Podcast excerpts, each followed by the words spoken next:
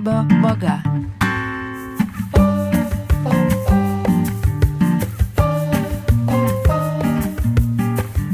Sveiki malonus klausytojai, su jumis sveikinasi tinklalaidė Gero pokalbio vaga ir aš, jos vedėja Laura Kišytė. Šios dienos svečias - televizijos laidų producerė, žurnalistė, visuomenininkė Ugnė Dalinkievičiūtė. Sveiki, Ugnė. Labas, Laura. Mūsų šios dienos pokalbį diktuoja du dėmenys. Tai šiuo metu Ukrainoje vykstantis karas ir mokslų daktarės Judith Lewis Herman knyga Trauma ir išgyjimas. Judith Herman, žinoma mokslininkė, Harvardo universiteto psichiatrijos profesorė ir Kembridžo ligoninės smurto aukų programos vadovė. Ši jos knyga apie pačių sunkiausių traumų psichologiją, bendrumą, kuris sieja prievartos aukas ir karo veteranus, smurtą patiriančias moteris ir politinius kalinius. Mes ugne kaip sutarėme prieš pokalbį, didesnį fokusą skirsime seksualinio smurto prieš moteris temai. Bet prieš pradedant klausimus tą temą noriu pasiklausti jūsų apie jūsų visuomeninę veiklą. Mūsų klausytojai turbūt žino jūs iš jūsų produsuojamų laidų, o gal galite papasakoti, ką jūs veikiate savo visuomeniniam gyvenime, kurį, kiek žinau, jau tęsėte 20 metų. Iš tikrųjų, tai jau daugiau negu 20 metų, um, gerokai daugiau dabar, jeigu bandyčiau skaičiuoti, gal net kokie 20 septyni maždaug Aha. tiek e, tų metų, kiek aš esu įsitraukusi į visuomeninės organizacijos moterų informacijos centro veiklą.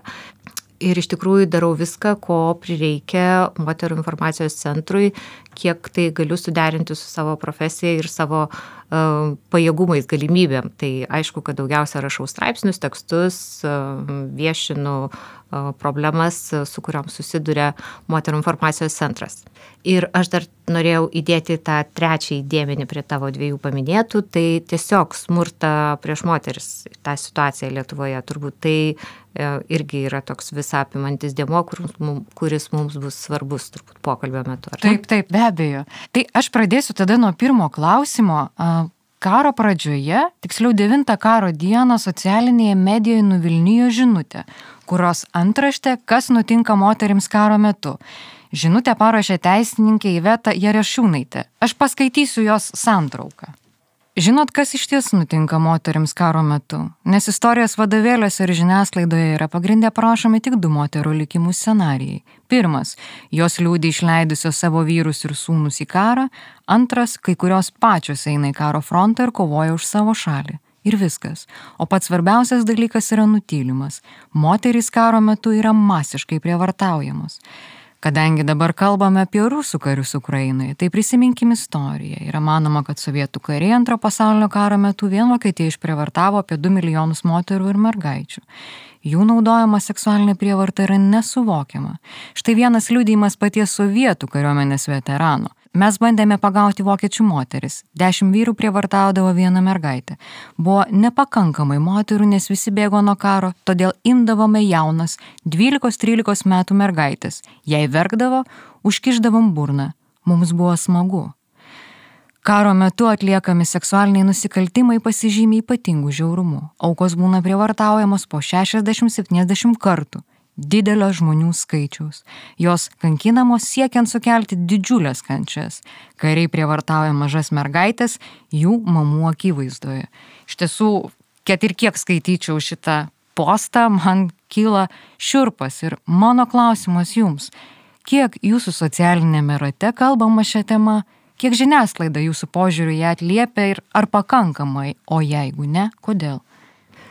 Mano socialinėme rate apie tai šiek tiek kalbama ir taip, ir moterų informacijos centras išleido irgi panašią žinutę su tais pačiais skaičiais ir tais pačiais faktais. Aš gal tik pridėsiu, kad čia yra Britų istoriko Anthony Beaver tyrinėjimo rezultatas. Jisai tyrinėjo antrąjį pasaulinį karą ir jo šitos žiaurumus ir šitos skaičius įvardijo. Tai taip, šitam mano, jūsų Laura, tam socialiniam burbulė iš tikrųjų turbūt tai, apie tai yra kalbama, bet plačiau tikrai ne, arba labai labai mažai.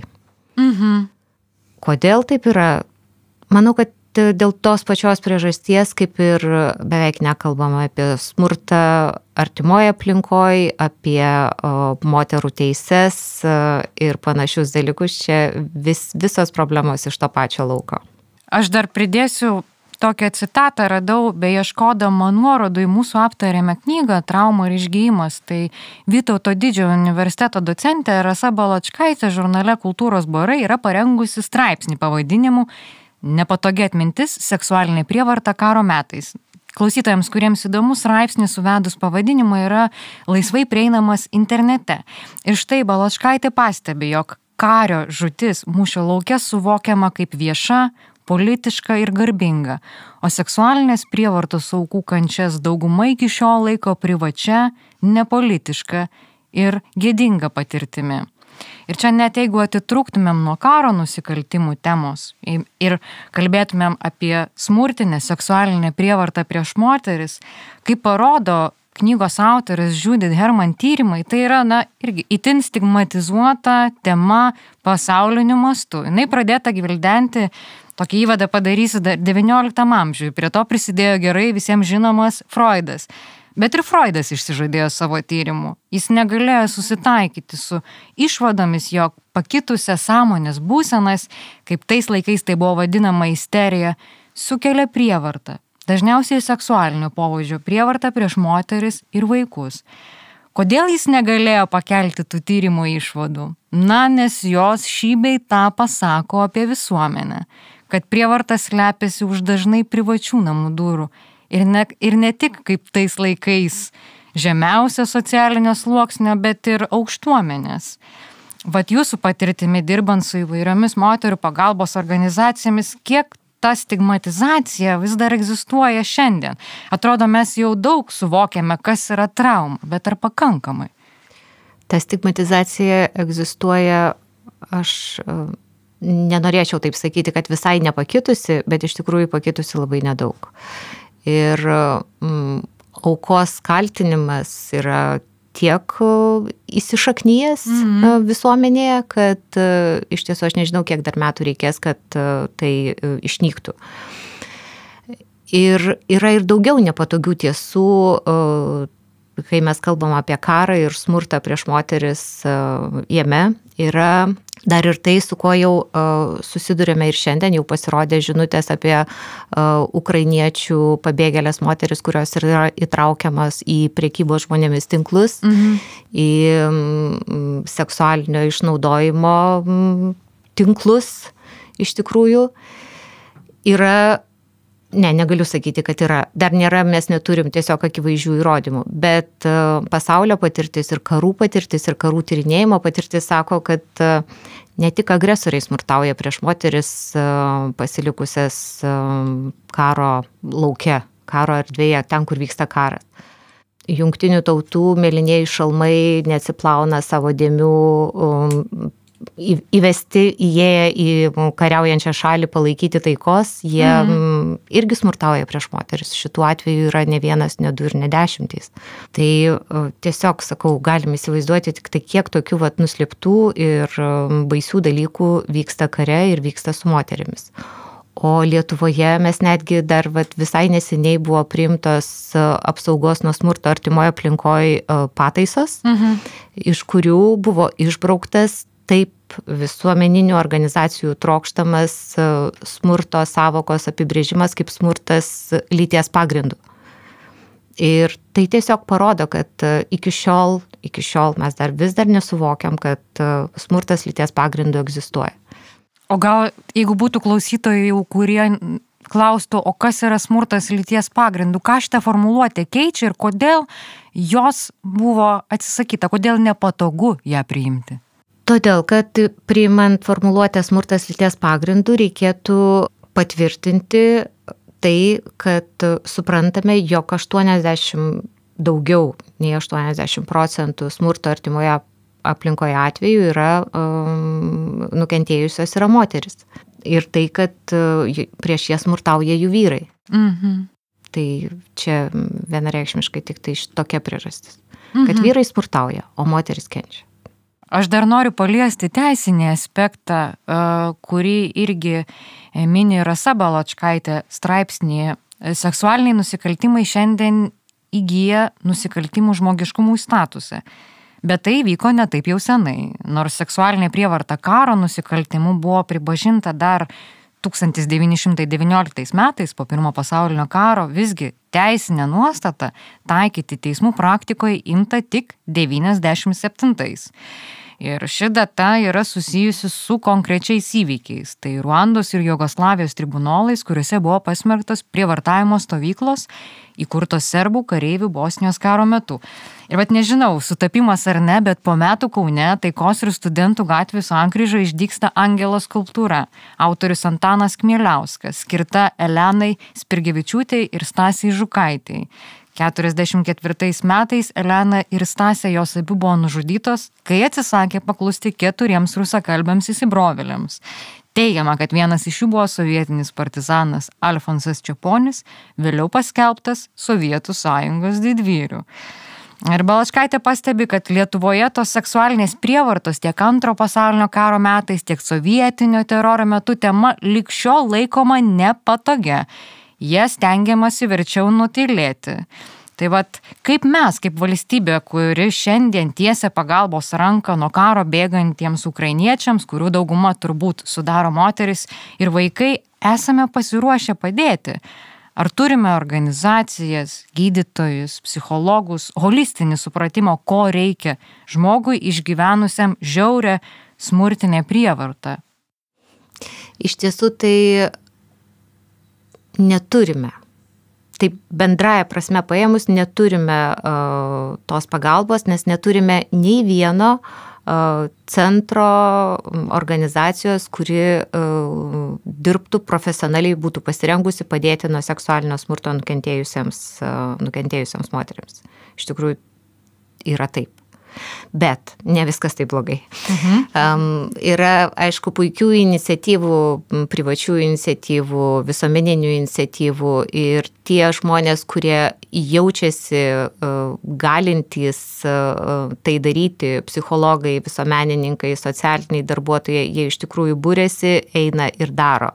Žinau, kad uh, psichologai eina konsultuoti į pabėgėlių centrus, pabėgėlių stovyklas, prieimimo tas vietas ir dirba pasikeisdami, jeigu reikia. Ir moterų informacijos centras taip pat yra pasiskelbęs telefoną ir nuorodas, renka žmonės, kurie gali tai rusiškai daryti, mhm. kad kažkaip pasiektų pabėgėlės. Žodžiu, tų iniciatyvų yra, bet iš tiesų bendrai organizuotos pagalbos ne ir tokios specializuotos pagalbos tikrai ne. Ir dar blogiau iš tiesų, pas mus kažkaip visą laiką visuomeniai buvo akcentuojama, kad e, mes turime, tarkim, tokią organizaciją kaip e, krizinio neštumo centras, mhm. kažkas panašaus, kuri mano ir mano socialinio burbulo akimis yra iš tikrųjų blogis. Todėl, kad tai yra organizacija, kuri um, stengiasi bet kokią kainą atkalbėti moterį nuo nepageidaujamo neštumo, nesvarbu, kaip jis yra atsiradęs, įgytas. Šitas diskursas, jisai buvo prieš keletą metų iškilęs, kiek atsimenu, tik tai nežinau, kaip jisai pasibaigė. Niekaip turbūt. Niekaip. Niekaip. Yra tos statistikos, nežinau, kiek jos yra tikslios, kad 10 e, milijonų prievartos atvejų rezultatas buvo milijonas prievartos būdų gimusių vaikų antro pasaulinio karo metais. Pilnai tikiu, nežinau, aš tų tikslių skaičių mhm. irgi, bet pilnai tikiu, kad taip, taip iš tikrųjų turėjo ir taip, ir taip, taip galėjo įvykti. Vėlgi, nežinau, nepamenu, nes tokia didelė informacija šiandien mus pasiekia apie tai, kas vyksta Ukrainoje, bet buvo vienas, vienos iš tenai esančių moterų pasakojimas buvo paremtas tuo, kad kai vyksta kariniai veiksmai, pirmiausia, ko jinai ieško, tai ne vaistinėlės, o kontracepcijos, o prezervatyvų ir žirklių, su kuriomis galėtų atsiginti. Tai gal jūs žinote tą temą kažką, kaip a, karo metu, ar yra įmanoma apsisaugoti e, save, aš negaliu sakyti to žodžio, nepagaidaujamas neštumas, nes šiandien net nebežinau, kokia tai kategorija, bet Ar, ar ką daryti tokiu atveju, ko, kokią pagalbą galima suteikti savo? Kaip norėčiau žinoti iš tikrųjų atsakymą į šitą klausimą. Ne, nežinau, kaip, kaip padėti savo, bet galiu tik pritarti tai moteriai, kurią atstavote, kad iš tikrųjų reikia šitų priemonių jo kontracepcijos ir, ir tų žirklių, peilio ar dar kažko tais. Ir um, Atkreipkite dėmesį, kad kai prasidėjo Lietuvoje humanitarnės pagalbos rinkimas uh, ukrainiečiams, tiek tenai esantiems, tiek čia. Pačioj pradžioj dar ilgai nebuvo atsiradę moteriams reikalingų specifinių priemonių, netgi mm, higieninių įklotų nebuvo tokių dalykų. Tai vėlgi mes iškeliam tokią idėją ir paskelbėm pas save, kad pradėkime rinkti lėšas tam, kad galima būtų nupirkti tų vadinamųjų kito ryto tablečių. Mhm kas įsivaizduoju yra vertingas dalykas tokioje situacijoje. Bet plačiu mastu šito irgi nėra daroma, o tai aš galvoju yra labai labai svarbu. Mes ne karo situacijoje turbūt diskutuojame, ar tos kito ryto tabletės yra gerai ir blogai, kaip kontracepcija yra gerai, blogai, o karo fone iš vis tie klausimai lieka tokie antriniai. Net ne antriniai, nežinau, kelintiniai. Taip, taip, būtent. Savo knygoje Judith Herman Nors ta knyga, kaip mes ugnė kalbėjome, galbūt galėtų būti skirta profesionalams arba nevyriausybinėms organizacijoms, kurios teikia pagalbą, nes jinai na savo prigimtimi vis tiek yra mokslinė, bet mano įsitikinimu jinai neblogai įveda ir pristato to uh, potrauminio streso implikacijas žmogui. Ir viena iš tų minčių, kad na, trauma sudrasko sudėtingą savigino sistemą o taip pat ir susietumo su kitais žmonėmis ir bendrystės jausmą, kuris susiformuoja augant sveikame klimate, sveikoje aplinkoje, tais pirmaisiais gyvenimo metais, jaučiant mamos tėčio meilę. Ir traumuoti žmonės jaučia ir elgesi taip, tarsi jų nervų sistema būtų atsieta nuo, bar, nuo dabarties. Kokia jūsų patirtis bendraujant? Tikriausiai teko bendrauti, ne tik rašyti apie tai, bet ir bendrauti su moterim nukentėjusiom nuo smurto, nuo seksualinės prievartos. Kaip atrodo jų tas grįžimas, reabilitacija ir su kokiais iššūkiais jos susiduria? Jos susiduria su tuo, kad su ta patirtim reikės gyventi visą likusį gyvenimą. Ar galima nuo to atsiriboti, ar galima tai pamiršti, aš labai abejoju iš tikrųjų turbūt galų gale tik tai e, bendrom pačio žmogaus ir tų, kas jam padeda, pajėgomis galima šiek tiek apmalšinti, padėti į kažkokią tai lentynėlę, bet ta patirtis vis tiek lieka. Ir aš taip įsivaizduoju, kad labai daug tolesnių situacijų ir tolesnį bendravimą šitą situaciją vis tiek daro įtaką, ta patirtis, smurtinė patirtis daro įtaką ir koreguoja gyvenimą. Taip apibendrintai turbūt galėčiau pasakyti, nes aš esu bendravusi su seksualinį smurtą patyrusią moterimi, bet tai nėra taip seniai, kad galėčiau daryti apibendrinimus, kaip jai nutiko po to. Paminėjot žodį užsimiršti ir, ir irgi knygoje radau tokį potrauminį simptomą, juos įvardina tris autorė, tai dirglumas, tai reiškia, kad na, trauminiai įvykiai sukelia tokį stimulą, kuris, na, vis, vis atrodo, kad tu esi toj pavojingoj situacijai. Na, mes čia kalbėjome jau ir viešojoje erdvėje, kad nešaudykite ferverkų, nes vaikai jaučiasi liktai būtų tos bombos, kurios ką tik krito ant jų namų. Tai tas dirglumas ir yra vienas iš tų aspektų, kuris pirmuosius mėnesius ir netgi metus persekioja traumą patyrusi žmogų, nes tie įvykiai jie iš naujo sąlygoja žmogaus nervų sistemą.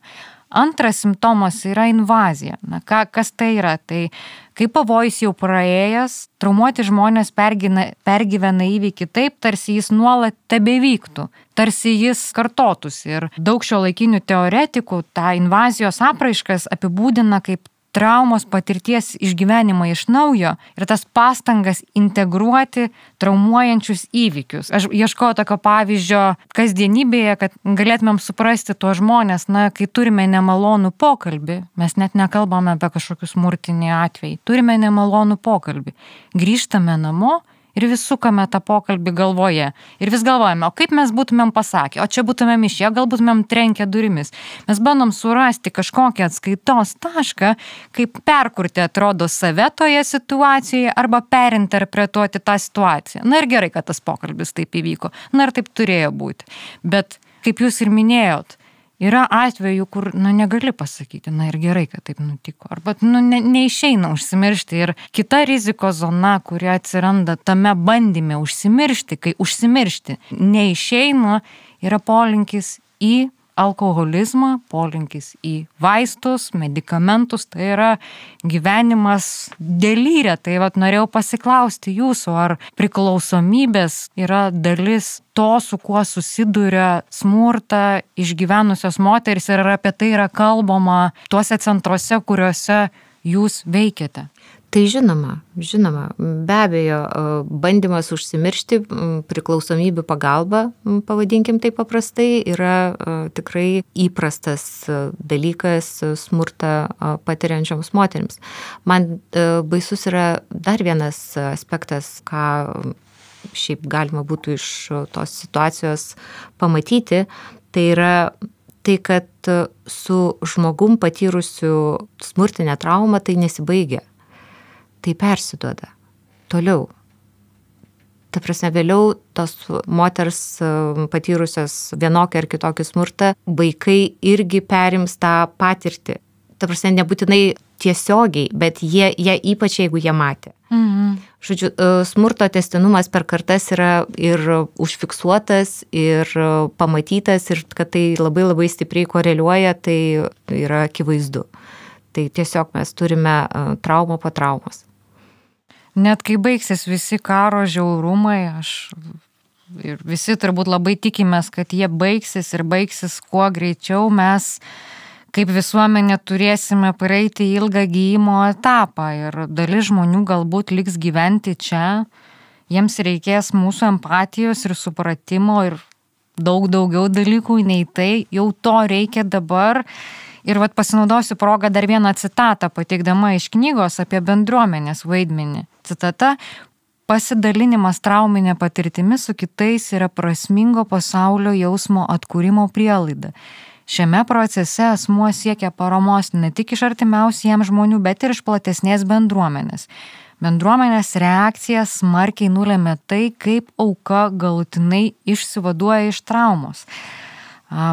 Ar yra kažkas, ką kiekvienas iš mūsų galime daryti jau dabar, nežinau, individualiai, šeimose, draugų ratuose, šokį vertybinį pamatą formuoti, kaip kalbėti su vaikais, savo paaugliais apie karo žiaurumus, įskaitant ir smurtą vykdomą prieš moteris ir vaikus. Ir nežinau, kaip, pavyzdžiui, bendruomeniniam lygmenyje, visuomeniniam lygmenyje yra ruošiamasi tų kartų gydimui, jeigu yra iš vis tokie procesai pradėti, gal, gal dar anksti kalbėti, bet. Ne, tikrai ne anksti kalbėti, Juolap mes tą ir darom visą laiką. Tik tai, aišku, karas ir smurtas karo akivaizdoje čia yra turbūt visiškai naujas, šokiruojantis ir visus išmušęs iš vėžių mhm. aspektas. Bet šiaip iš principo, dabar net nežinau, nuo kurios klausimo dalies pradėti, bet iš tiesų tai visų pirma reikia kovoti su stereotipais, o su vaikais reikia tiesiog kalbėti tiesiog kalbėti, kad žinotų ir kad tokios problemos egzistuoja ir nežinau, aš tai nesu ta, kuri mano, kad vaikus reikia saugoti nuo kažkokių neigiamos informacijos. Jo, neigiamos mhm. informacijos. Mhm. Aš manyčiau, geriau ta neigiama informacija tegul bus pateikta jam artimo žmogaus, jam suprantamų pavydalų, negu kad jis jas nežinotų visai ir staiga susidūręs nusteptų arba, nežinau, patirtų tą patirtį labai skaudžiai. Tai aš manau, kad su vaikais reikia kalbėtis ir reikia kalbėti visur. Ir jeigu gali kažkuo padėti, jautiesi turintis pajėgumų, dabar jau pereinam prie šitos situacijos, jeigu tikrai įsivaizduoji, kad gali padėti, turi patirties darbo su traumą patyrusiais, smurtą patyrusiais žmonėmis, tai pilna visuomeninių organizacijų, kurios tokios pagalbos labai laukia, tokios savanoriavimo, tokios pagalbos. O tose organizacijose yra galbūt ir apmokymai tie, kas, na, neturi patirties, bet turi noro Taip, žinoma, yra, yra ir apmokymai, žinoma, kad yra. Čia vienas iš tų gerųjų šio laiko tarpio momentų, be to, kad matome ypatingai susivienijusią savo tautą, tai dar ir tai, kad e, savanorystės prasme ir reikšmę atrado labai labai daug žmonių įvairiais skaičiais, nežinau, 50 procentų, 70 procentų visuomenės, tai iš tikrųjų labai labai daug. Aš tik tai labai raginčiau neapsiriboti viena kažkokia sritimi, bet jeigu tik tai turite galimybių, gebėjimų, kurie dar neišnaudoti, pradedant rusų kalbos mokėjimu, baigiant mm. psichologiniais e, gebėjimais arba tiesiog mokate išklausyti, kas yra labai labai svarbu. Tai labai labai kviečiu, aišku, prisidėti prie tų žmonių, kurie dirba su pabėgėliais iš Ukrainos. Dabar dalis mūsų tautiečių priima žmonės į savo namus ir mūsų šeima irgi priėmė šeimą E, iš, iš Mariupolio. Moteris atvairavo su sunumi 12 metų, slėpėsi 10 dienų slėptuvėje, jie išvyko dar tada, kaip jie sako, kai rusų kareiviai nebuvo alkani ir juos praleido, jie gyveno palei Mariupolį. Ir va, nu, mūsų patirtis buvo tokia, kad kelias savaitės po truputėlį traukiam iš jų informaciją, na, bandydami suprasti, ko, ko, kokiam stovyje jie pas mus atėjo. Jie labai dėkojo, jie stengiasi, kaip sakyti, integruotis patys, mažai pakankamai išnekėjo. Mano mama kalbėjo su jais, nes rusiškai dėja nemokau. Ir po kelių savaičių tik tai sužinojom, kad važiuojant į Lietuvą, sunus matė, pavyzdžiui, lavonus gatvėse, jisai turėjo va, tuos išgyvenimus. Ir iš karto mano galvoje, kaip mes šiandien mėgstam sakyti, red flag, raudonos vėliavos įsijungia ir kaip suprasti, jeigu žmogus nu, ne, neprasitarė, o smurtą patyrę, na, vaikai ir moteris neprasitarė, kad jie tą smurtą yra patyrę, kaip suprasti, kaip atpažinti, galbūt yra kažkokie tai požymiai, apie kuriuos jūs galite papasakot. Na ir kaip prieiti prie to žmogaus, jeigu jis pats nedrįsta apie tai pasisakyti. Jo, man, lab, man labai gaila, kad aš neturiu atsakymo tau į šitą klausimą. Seksualinio smurto aukoms mes netgi ir Lietuvos mastu neturime pagalbos centro. Bet uh, iš patirties ir iš savo organizacijos darbo, tai galiu pasakyti, kad reikia laukti, kol žmogus prabils nes vis tiek turi norėti atsiverti, tik tai reikia palikti jam tas atvertas duris, kad jis visada žinotų, kad jis turi kur kreiptis. Yra saugi erdvė. Jo, saugi erdvė ir, ir tas žmogus, kuris išklausys. Už tai jau ir prieš tai minėjau, kad labai labai svarbu išklausyti, mokėti išklausyti. Ne tiek svarbu paskui parinkti teisingus žodžius ir pasiūlyti konkrečią pagalbą, bet labai labai svarbu išklausyti pati, kai ėjau šiandien, ir vakar galvoju apie tai, ką mes mūdvi kalbėsimės, Tai aš galvoju, koks yra mane labai gluminantis dalykas, apart aišku, jau at, nuo karo atsiribuojant šiek tiek šiaip apie smurto artimoje aplinkoje situaciją Lietuvoje, kad tyrimai sako, kad kas trečia moteris Lietuvoje yra patyrusi smurtą. Aš asmeniškai manau, kad tai yra dar ir daugiau. Mhm. Bet kalbant su moterimis, kiekviena nepriklausomai nuo amžiaus, beveik kiekviena pasakytų, kad e, aš tikrai nesu ta.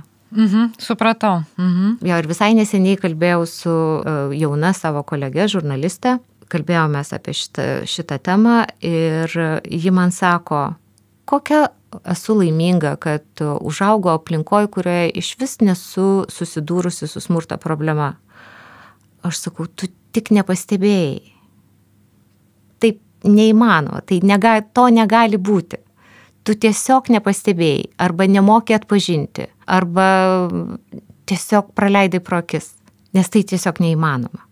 Tas smurto mastas Lietuvoje yra milžiniškas, didžiulis tiesiog neįmanomai didelis. Ir net tas, kuris yra uh, oficialiai pripažįstamas, jau, ta prasme, apie jį yra pranešta, kas 10 minučių policija sulaukia skambučio apie smurtą artimoje aplinkoje. Tai yra milžiniškas masas, o kiek dar jo paslėpto, yra mm, žiaurų skaičiai iš tiesų. Bet kaip gaunasi, kad moteris negali identifikuoti to smurto, netgi kai jisai vyksta daugybę eilę metų iš metų iš pačio artimiausio žmogaus, tarkim, kuris, na, kaip ir turėtų teikti saugumą, yra pavyzdžiui vaikų tėvas, bet kartu yra ir agresorius. Ka, kaip, kaip taip nutinka? Tai nutika todėl ir taip, kadangi ne viena moteris nebendrautų su vyru, kuris pirmą pažinties dieną pakeltų prieš ją ranką. Tai neprasideda nuo fizinio smurto. Fizinis smurtas yra šitoj smurto grandiniai, tiesą sakant, nenoriu sakyti baisiausias, tiesiog aiškiausiai matomas ir labiausiai atpažįstamas. Bet prasideda viskas nuo Romantinio pasimatymo. Jo, nuo romantinio pasimatymo, nuo kontrolės, kurią tu pradžioj e, manai, kad tai yra meilės išraiška. Mhm. Dar vienas pavyzdėlis irgi visai šviežias. Prieš porą dienų buvau tarp žmonių, kur viena jauna mergina pasakojo kitoms dviems savo draugėms apie tai, kaip jie rūpinasi jos sutuoktinis. Jie neseniai vedė, planuoja turėti vaikų. Ir jinai sako, jūs įsivaizduojat, koks jis rūpestingas. Jisai sako, aš noriu sulaukti, e, susilaukti sveikų vaikų. Tai tu man dabar pažadėk, kad nuo šiandien tu tris kartus per dieną valgysi, tris, keturis kartus per savaitę įsisportuoti ir mesi rūkyti. O. Mergina šitą pasakoja su pasididžiavimu, koks jos rūpestingas yra uh, vyras ir kaip jie uh, abu laimingai gyvens susilaukę sveikų vaikų. Aš netekau žado. Tai vat nuo tokių smulkių dalykų prasideda, nuo tokių, net nežinau, smulkių, nesmulkių, bet vat nuo tokių dalykų, kurių tu net pažįsti, nepriimi kaip smurto formos, kaip kontrolės prieš save formos, paskui tai išvirsta į kur kas baisesnius dalykus. Galima būtų manyti, kad, e, vat, ugnė, jūs žiūrit iš metų patirties distancijos, o galbūt e, ta mergina dar nemačiusi gyvenimo, bet kita vertus, abi žinome pavyzdžių, kai, na, nesvarbu, kuriame gyvenimo etape, ypatingai jeigu nesi patyręs, ką reiškia, pavyzdžiui, turėti santykių su psichopatu, na, imkime paprastą pavyzdį, alkoholiku, nesvarbu, nei kiek tau metų, nei kokia tavo patirtis, gali įklimti, išnirti po 10-15 metų su vaistais, su dideliam žaizdom, traumom ir taip toliau. Labai labai norėčiau, kad moteris turėtų savyje galių apsisaugoti ir nuo tokių santykių, ir nuo tokių patirčių, Bet e, kaip šitai padaryti, tiesiog neįsivaizduoju, apar to, kad, kad jo, kad turime kalbėti, turime kalbėti daug apie tai, turime nebijoti pripažinti savo, jeigu jau atpažinom prieš save smurtą, tai pripažinti, kad tai yra smurtas ir suvokti, kad jis nesibaigs šiaip. Pažadėjo, kad nebesmurtaus arba kad taip nebedarys, tai tikrai taip nebus. Tiesiog šituos santykius reikia tiesiog baigti. Aš galvoju, tai galbūt susiję yra su tam tikra moteriškumo samprata. Paimsiu tokį jau lengvą pavyzdį iš Simpsonų serialo buvo toks epizodas, kur Bartas sako savo tėvui, koks tu vaikas buvai, jeigu tu nesugebėjai užtikrinti, kad tavo tėvai neįsiskirtų. Aš galvoju, gal ir moteris, na kokia tu moteris, jeigu negali suimti savo vyro į rankas, negali būti nuolanki, na tas įsivaizdavimas moteriškumo ir kaip moteris turi sukurti tuos namus, gal ir netgi nutilėti tam tikrus tos atvejus, nes kieno namai be dūmų, tai vad kur suprasti, kad čia jau tie dūmai tave dusina sakyčiau, kad e, tokioj situacijoje reikia tiesiog pagalvoti apie savo vaikus. Man asmeniškai tai buvo priežastis e, nutraukti toksiškus santykius, madingas toks žodis dabar. Bet irgi, kaip sakiau, kad gyvenimas smurtinėje aplinkoje ir matymas smurtinių santykių paskui uh, persikelia į jau suaugusių vaikų gyvenimą. Jo, kad šito neįvyktų, kad tas smurto ratas būtų nutrauktas, tu turi padaryti tai pirmą. Nu, tiesiog taip yra. Nes kitaip tu pasmerksi ir savo vaikus, o tada jau ir jų vaikus, ir taip toliau, ir taip toliau, ir mes niekada su šita problema uh, nebaigsime dorotis. O tai yra rytų Europos flango kažkokia bėda? Ne, ir čia gal šiek tiek bus linksmėsnė nata, kad ne, čia yra viso pasaulio problema. Viso pasaulio ir labai panašių mastų.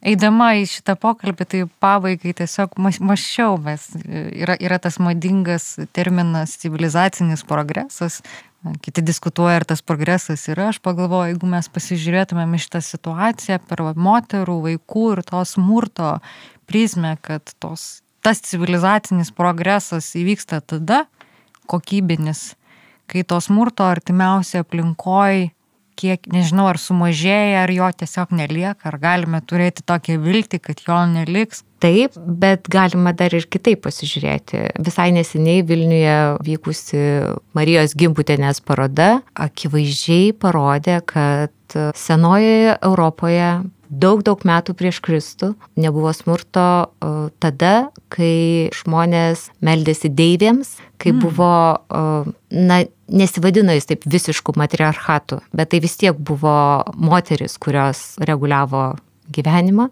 Ir tik tai su klajokliais, su kariniais grobimais, kuriuos darė vyrai, jau atsirado smurtas ir pirmieji, pirmosios kapavietės, kuriuose palaidoti žmonės su smurto žymėmis. Iki tol tokių tiesiog nebuvo. Turime grįžti prie ištakų. Ko gero taip. Norėtųsi. Nei viena moteris nėra pradėjusi karo, beje. Ačiū Jums, Ugnė, už pokalbį. Ačiū labai Laura už kvietimą ir savo ruoštų kviečiu visus paskaityti knygą Trauma ir išgyjimas. Gal mes bent taip padėsime savo. Iki. Iki.